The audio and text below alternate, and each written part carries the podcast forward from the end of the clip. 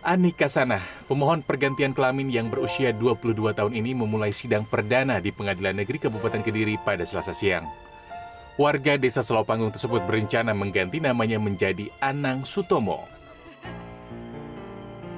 Sejak lahir, Anika Sanah diketahui terlahir dengan kondisi genital tidak jelas, sehingga orang tua Ani menjadikan dia sebagai perempuan. Bahkan hingga SMP dirinya tidak pernah menstruasi seperti perempuan pada umumnya. Dengan sidang pergantian kelamin ini, Anika Sanah berharap agar segera mendapatkan perubahan status menjadi laki-laki.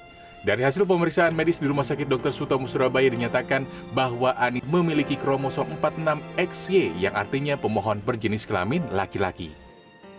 Harapannya ini statusnya biar jelas.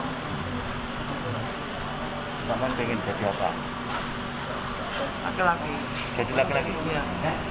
KTP-nya otomatis pasti didasarkan pada kutipan akta kelahiran dan sebagainya dan itu memang perempuan. Jadi dengan kondisi fisik dan psikis yang seperti ini dia nyatanya adalah laki-laki makanya kita mengajukan perubahan status itu kaitannya dengan data atau identitasnya di data kependudukan. Jadi nanti data kependudukannya statusnya itu berubah menjadi laki-laki dan di namanya juga kita mintakan untuk perubahan.